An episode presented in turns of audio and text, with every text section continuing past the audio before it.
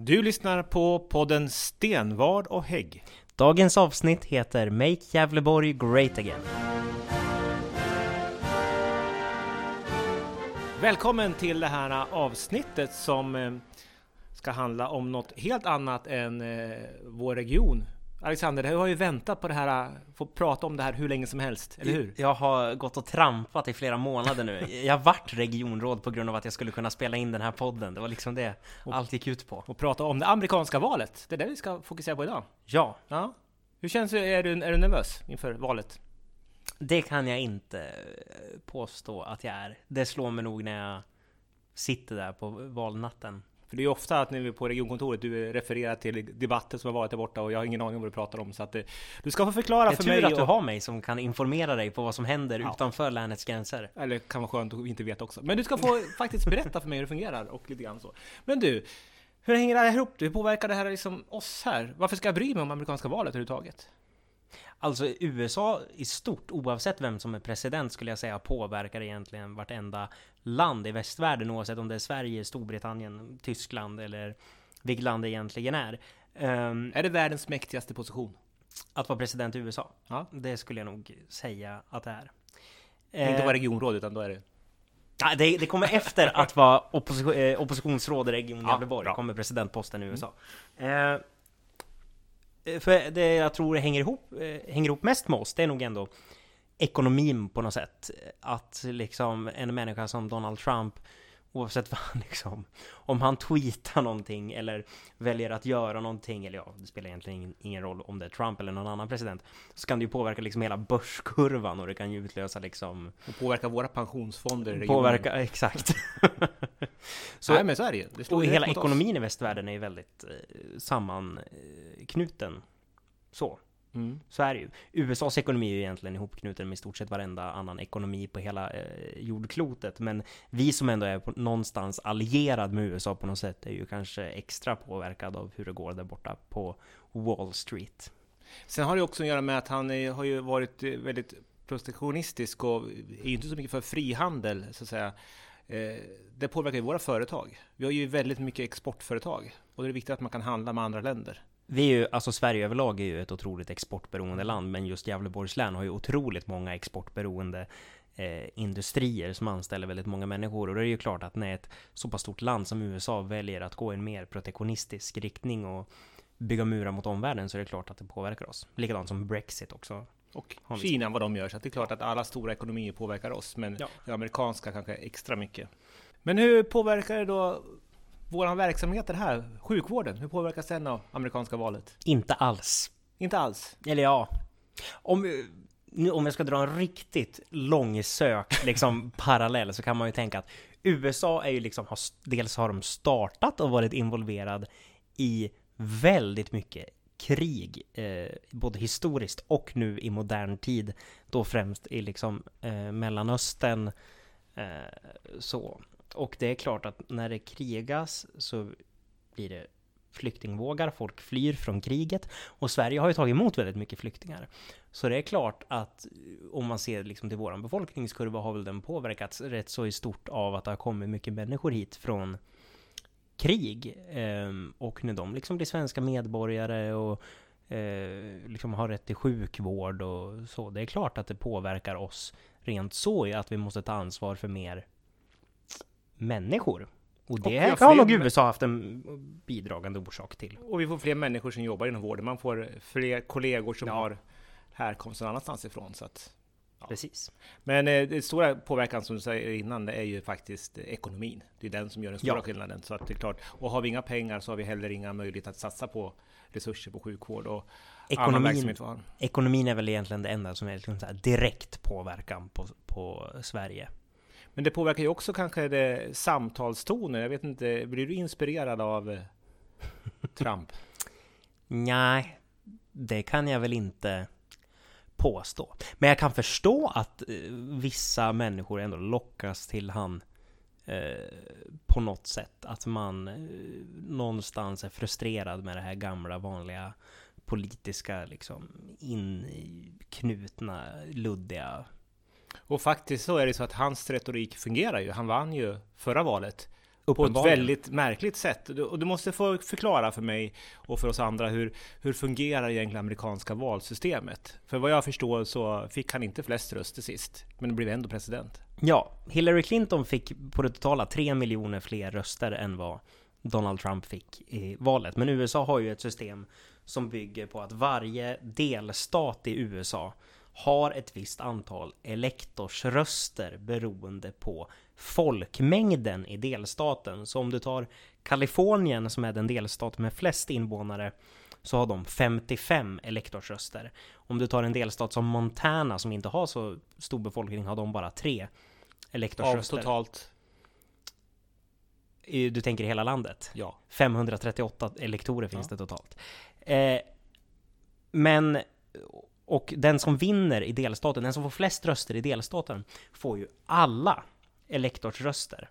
Och Trump lyckades ju då vinna flest delstater och då också bygga på flest elektorsröster och han passerade det magiska numret 270 som är hälften.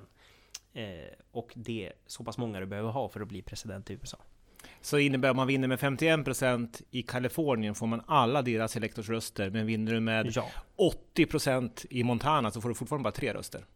Ja. Ja, ja men, eh, och det, det, finns ju de här delstaterna där det är ganska 50-50 mellan ja. partierna, de här swing statesen. Och det gör ju det lite sjukt för en röst i en stat som Florida, som är en riktig swing state, en röst där blir ju så mycket värd mer än om du som republikan ska liksom rösta i starkt demokratiska Kalifornien eller om du som demokrat i liksom republikanska Mississippi tänker att du ska rösta. Alltså det, det blir ju liksom ingen påverkan. Så det innebär alltså att en, en person, en röst har inte samma värde, utan det Nej. är de här staterna som på något sätt avgör. Hur många kan röra sig om? Är det några stycken? Uh, jag kollade en handfull. tidigare, alltså så skulle jag väl ändå säga att just nu kan det vara fem, sex delstater. Jag kollar här. En, två, tre, fyra, fem delstater är just nu klassade som rena swing states. Alla andra som ändå kan vara swing states lutar åt det ena eller andra hållet. Ja, så att, men det är lite märkligt. Och så säger man att det kanske är en av västvärldens främsta demokratier och så har man ett system som, som eh, inte gör att varje röst är lika mycket värd. Nej. Märkligt. Men det finns andra länder som har så också. USA är ju inte ensamma om det här. Nej, jag vet inte. Alltså, England också. Ja, där, de är också beroende av hur det röstas i olika liksom, distrikt. Så. Ja, så att, ja. Men vilka kandidater har vi nu då som vi kan, liksom vi, som amerikanerna kan välja mellan? Eh, de har ju då Trump såklart. Och känner till. Och vi har Joe Biden, Obamas tidigare vicepresident. Som är då Demokraternas kandidat. Och sen finns det lite små kandidater från små partier. Men i USA är det tvåpartisystem och de, har, de här mindre har väl inte så stor chans att påverka. Så. För du måste ju över 51% av rösterna i din val i din delstat för att få de elektorerna. Så att, ja, eller ja, 50,1 procent ja. räcker. Ja. Eh, men eh, om man ser skillnaden då på eh, Trump och Biden. De är ju båda till åren kommen. Det kan man, det är en likhet först. Det kan man säga, det har de gemensamt. Ja, men vad är det som skiljer dem åt? Jag antar att det skiljer ganska mycket. Ja, eh, deras ledarstil är väl rätt så annorlunda. Trump är en ganska hetsig person, ganska hetlevrad och eh, reaktionär och liksom låter... Han är inte så... Ganska nyckfull, man vet inte vad han... Han gör en sak ena dagen och motsatsen nästa dag. Ja, han är ganska lätt påverkad av så här kritik. Man kan inte säga, kritisera honom om någonting utan att man är dum i huvudet. Jag läste igår, det var någon republikansk senator som hade kritiserat honom om någonting och då tidigare har Trump sagt att den här senatorn är hur bra som helst. Men så fort den här senatorn kritiserar han så bara, han är helt värdelös, han borde förlora valet. Du, du, du. Ja. Och så frågasätter han media också. Fake news, ja. det är ju ett begrepp som Trump har skapat. Ja, och där kan jag väl ändå, där kan jag förstå han någonstans, för USAs medielandskap är så politiskt. Du har ju dels Fox News som är liksom republikanernas nyheter, pro-Trump, liksom som bara rapporterar negativt om demokrater. Och sen har du de andra. Det är lite Nordkorea över hela. Det är lite Nordkorea över hela och så har du NB, eh, NBC till exempel som jag upplever bara rapporterar positivt om demokrater och negativt om republikaner. Det är inte så liksom balanserat medielandskapet i USA överhuvudtaget. Men eh, de här vicepresidentkandidaterna, har de någon påverkan? Då? För de är ju också eh, någonting som man vill profilera. Vad man ser. Jag skulle säga att valet av vicepresident har nog inte varit så här viktigt någon gång. Nu har du två presidentkandidater som är som du sa till åren komna. Eh, Trump har kanske nyss haft coronavirus.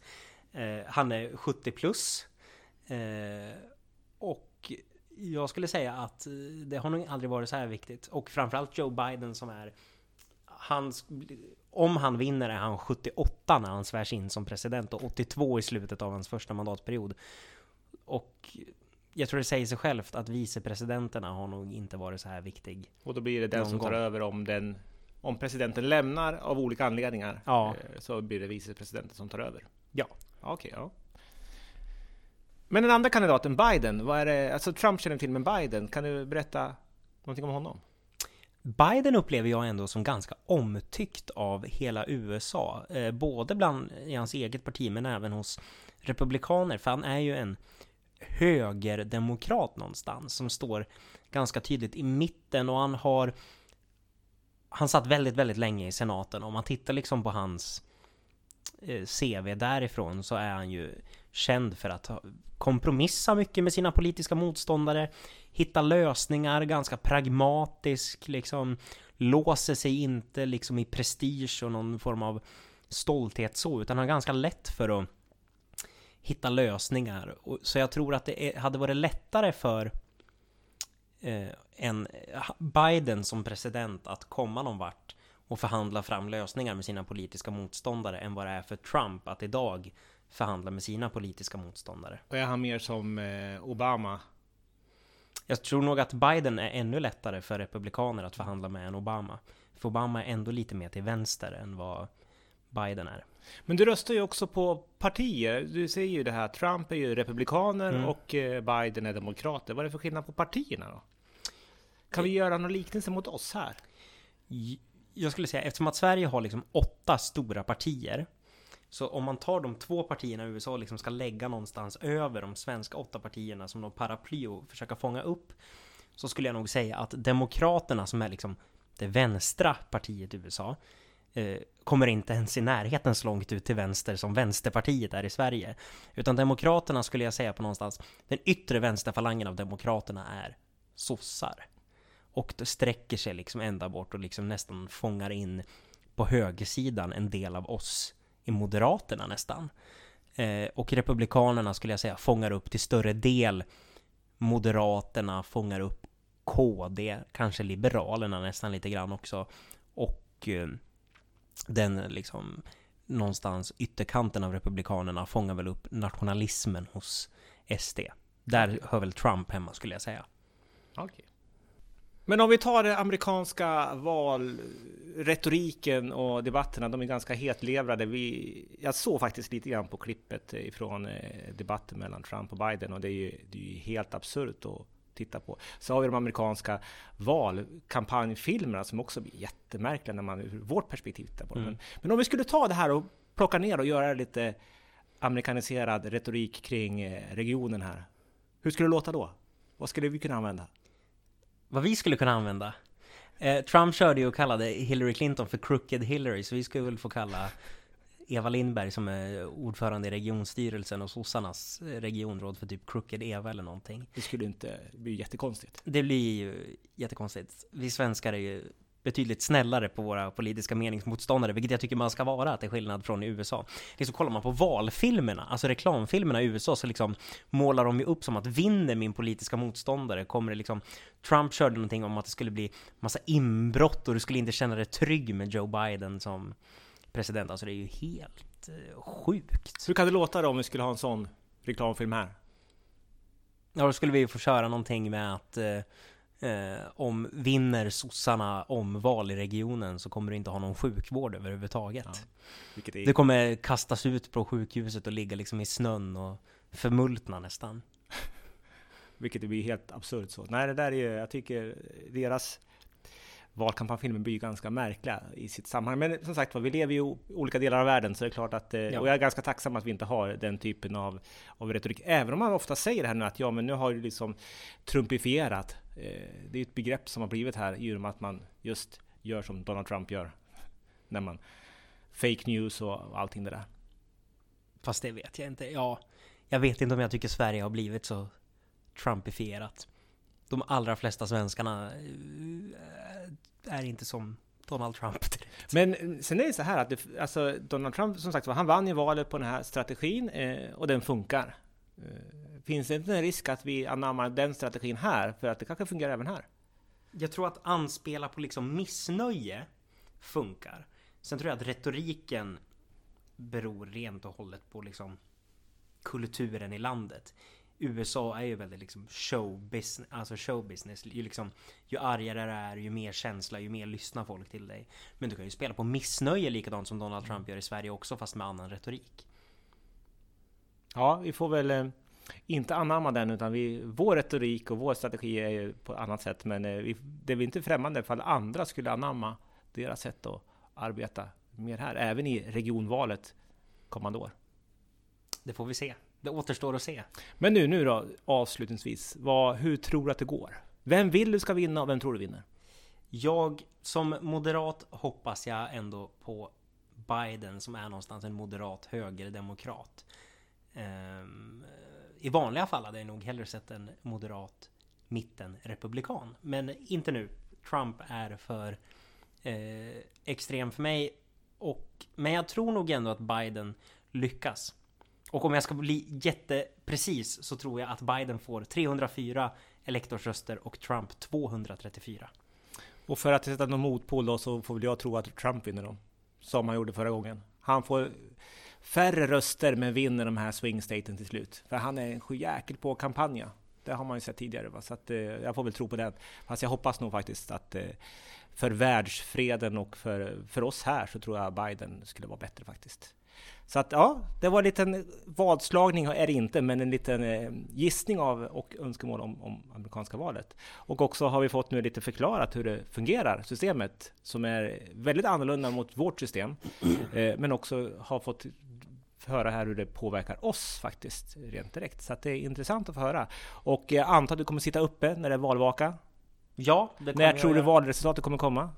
Jag tror inte att vi kommer ha en färdig vinnare på valnatten utan jag tror att vi får vänta några dagar i och med att coronapandemin har ju ställt till det med röstningen i USA. Och sen är frågan om Trump förlorar, kommer han att lämna ifrån sig makten? Det tror jag inte. Jag tror att han kommer vägra inse att han har förlorat och skulle kunna dra det här till Högsta domstolen. Ja. Ja, som sagt var, det är en, en spännande tid vi lever i och eh, vi får följa och se vad som händer helt enkelt. Och vi kan heller inte påverka utfallet, utan vi får bara sitta på läktaren och titta på. Som vi gör här i regionen. Ja. ja.